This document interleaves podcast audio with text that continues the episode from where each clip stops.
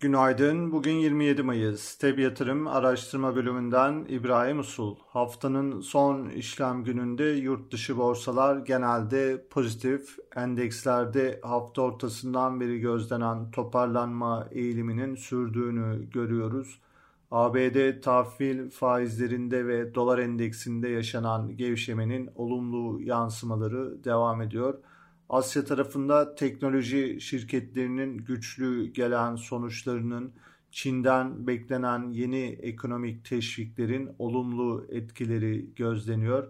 Enflasyonist baskıya rağmen Amerika'da tüketici talebinin güçlü gidiyor olmasının stagflasyon endişelerini bir miktar azaltması da piyasalara destek oluyor. Asya borsaları pozitif, Hong Kong'daki yükseliş %2'nin üzerinde Avrupa borsalarının haftanın son işlem gününe hafif yukarıda başlaması bekleniyor. Amerikan endeksleri dünkü %1.6 ile %2.7 arasındaki yükselişlerin sonrasında vadeli tarafta bu sabah yatay. Altın fiyatı hafif yukarıda. Ons fiyatı 1855 dolar seviyelerinde hareket ediyor. Amerika'da bugün Nisan ayına ilişkin kişisel gelir, harcama, PCE verileri gelecek. Özellikle PCE verileri Fed tarafında enflasyonun önemli göstergelerinden biri olarak izlenmekte. Ayrıca bugün Michigan Tüketici Güven Endeksi açıklanacak. Amerika'da tüketici güveninin Mayıs ayında bir önceki aya göre düşüş göstermesi bekleniyor. İçeride bugün Merkez Bankası finansal istikrar raporu takip edilecek.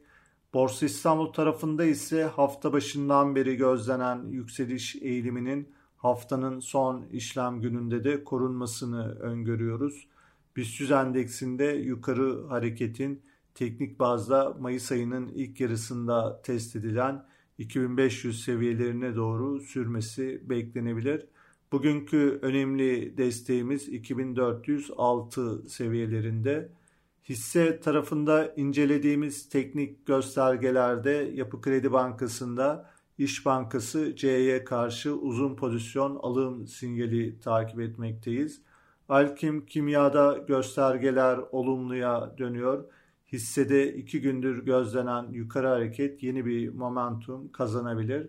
Teknik olarak Akbank, Bimaş, Mavi Giyim, Koç Holding, vakıf gayrimenkul hisselerinde göstergeler olumlu tarafta. Piyasaları değerlendirmeye devam edeceğiz. Teb yatırım olarak herkese iyi bir gün diliyoruz.